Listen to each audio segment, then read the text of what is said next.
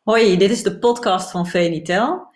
Ik ben expert, coach en ervaringsdeskundige op het gebied van helen van narcistisch misbruik. Ja, in deze podcast uh, ga ik het hebben over lovebombing. En dat is een van de meest gebruikte emotionele manipulatietechnieken van de narcist. De narcist gebruikt dit om je in te pakken. En ook voor zich te winnen. En dat doet hij dus door je heel veel liefde en aandacht te geven. Zoveel, zo sterk, dat je voor de bijl gaat. Dat je niet anders kan bijna dan ervoor zwichten. Want wat een narcist dan doet, komt echt letterlijk binnen als een bom. Het is een soort van hoge intensiteit waarmee hij het hof maakt. De complimentjes die hij geeft, de cadeautjes, je weet gewoon niet wat je overkomt. En vaak heb je dit ook nog nooit op die manier meegemaakt, dat iemand zoveel belangstelling voor je heeft. En dan kan je op zo'n moment zo gezien, zo gehoord, zo gewild, zo geliefd voelen. En het lijkt dan net alsof daarmee het gat van leegte wat je van binnen voelde, dat dat in één keer gevuld is. En het kan ook zijn dat de seksuele aantrekkingskracht heel erg hoog is en de seks ook voor jouw gevoel veel intenser is dan dat je anders hebt meegemaakt. En dan kan je ook het idee hebben dat dat dus dan echt je beste soulmate is. En als je te kampen hebt met minderwaardigheidsgevoelens, hè, dat je je niet gezien of gehoord voelt, dan is het ook heel moeilijk om te zien en te voelen dat het hier niet om echte liefde gaat, maar om pure manipulatie. Een goede vergelijking vind ik altijd de vergelijking met een loverboy. En de loverboy is iemand die zich voornamelijk uh, op uh, tienermeisjes uh, richt. Het is eigenlijk gewoon een soort pooier. Maar dat hebben die tienermeisjes dan helemaal niet door. En hij selecteert ze op Ehm, ja, dat ze zich niet zo goed in hun vel voelen en dat ze zich onzeker voelen en niet gezien voelen. En dan benadert hij hun en met ook zoveel aandacht en cadeautjes en mooie woorden. Totdat inderdaad zo'n meisje zich helemaal ingepakt voelt, helemaal um, gewaardeerd.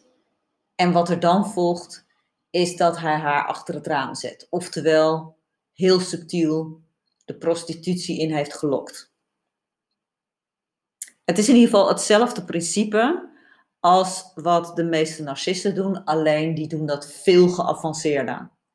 Dus daarbij zul je niet snel de vergelijking trekken van wat die loverboy doet. Maar het is wel hetzelfde principe. Daarom leg ik het even uit. En die lovebombing fase is altijd maar tijdelijk. Hè? Want het is geen liefde. Dus het is misbruik. Het is bombarderen met misbruik. Maar verpakt in de vorm van liefde. De narcist heeft hier een masker op van een charmant, lief, vrijgeven persoon. Maar het blijft een wolf in schaapskleren. Dus hij is die wolf in schaapskleren uh, op het moment dat hij ook die lovebombing doet. Alleen jij hebt dan het idee helemaal niet. En hij doet dit alleen maar met de bedoeling om bij jou te komen halen. Natuurlijk moet hij dit indirect doen, want als hij dat direct uh, zou doen bij jou, dan krijgt hij natuurlijk geen ingang. Als, als, als jij die, uh, die wolf uh, als eerste ziet, die agressieve persoon, die gefrustreerde persoon, die lege persoon, ja, dan is er voor jou natuurlijk helemaal geen reden om met zo iemand überhaupt in zee te gaan. Nou, als de narcist het idee heeft dat hij zich voor je gewonnen heeft, dan stopt dit bombardement van liefde, aandacht en cadeaus en dan komt langzamerhand de wolf ook weer op de voorgrond. En die wil dan ook pakken waar hij in geïnvesteerd heeft. Die wil direct, direct oogsten waar hij voor gezaaid heeft. En dan kan je ook opmerken dat hij in één keer echt een roofdier is. Dan zie je dat ook. Want een narcist heeft niet zoveel geduld. Dus op een gegeven moment, als die lovebombing fase over is voor zijn uh, gevoel, dan zie je ook dat hij uh, helemaal niet geduldig is. Dus daar waar hij eerder misschien nog dat geduldig speelde, als een soort toneelspeel, zie je dan dat hij dus gewoon heel erg eh, direct eigenlijk naar de kern wil, direct wil pakken wat er te pakken is.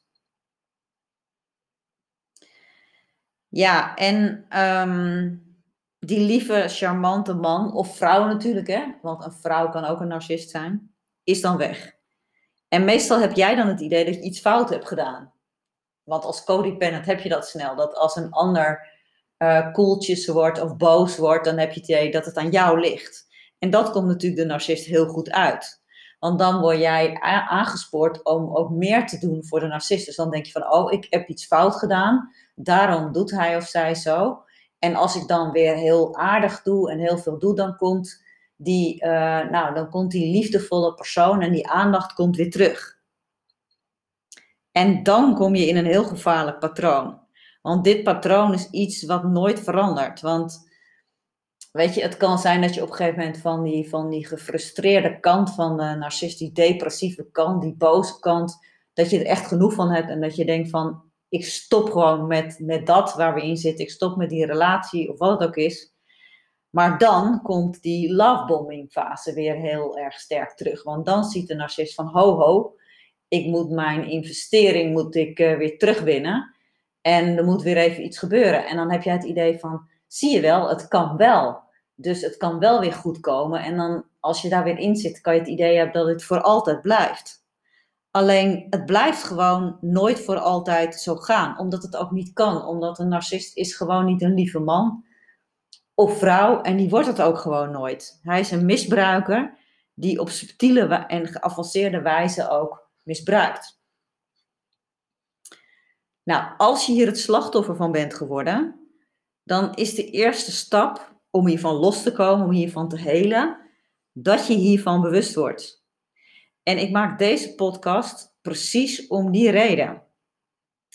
Nou, vind je dit een waardevolle podcast? Abonneer dan even. Dan krijg je direct een melding als er een nieuwe podcast klaar staat. Ik kan het ook heel erg waarderen als je een eh, like geeft of een opmerking maakt. En ik zie je heel graag weer bij de volgende podcast. Doeg!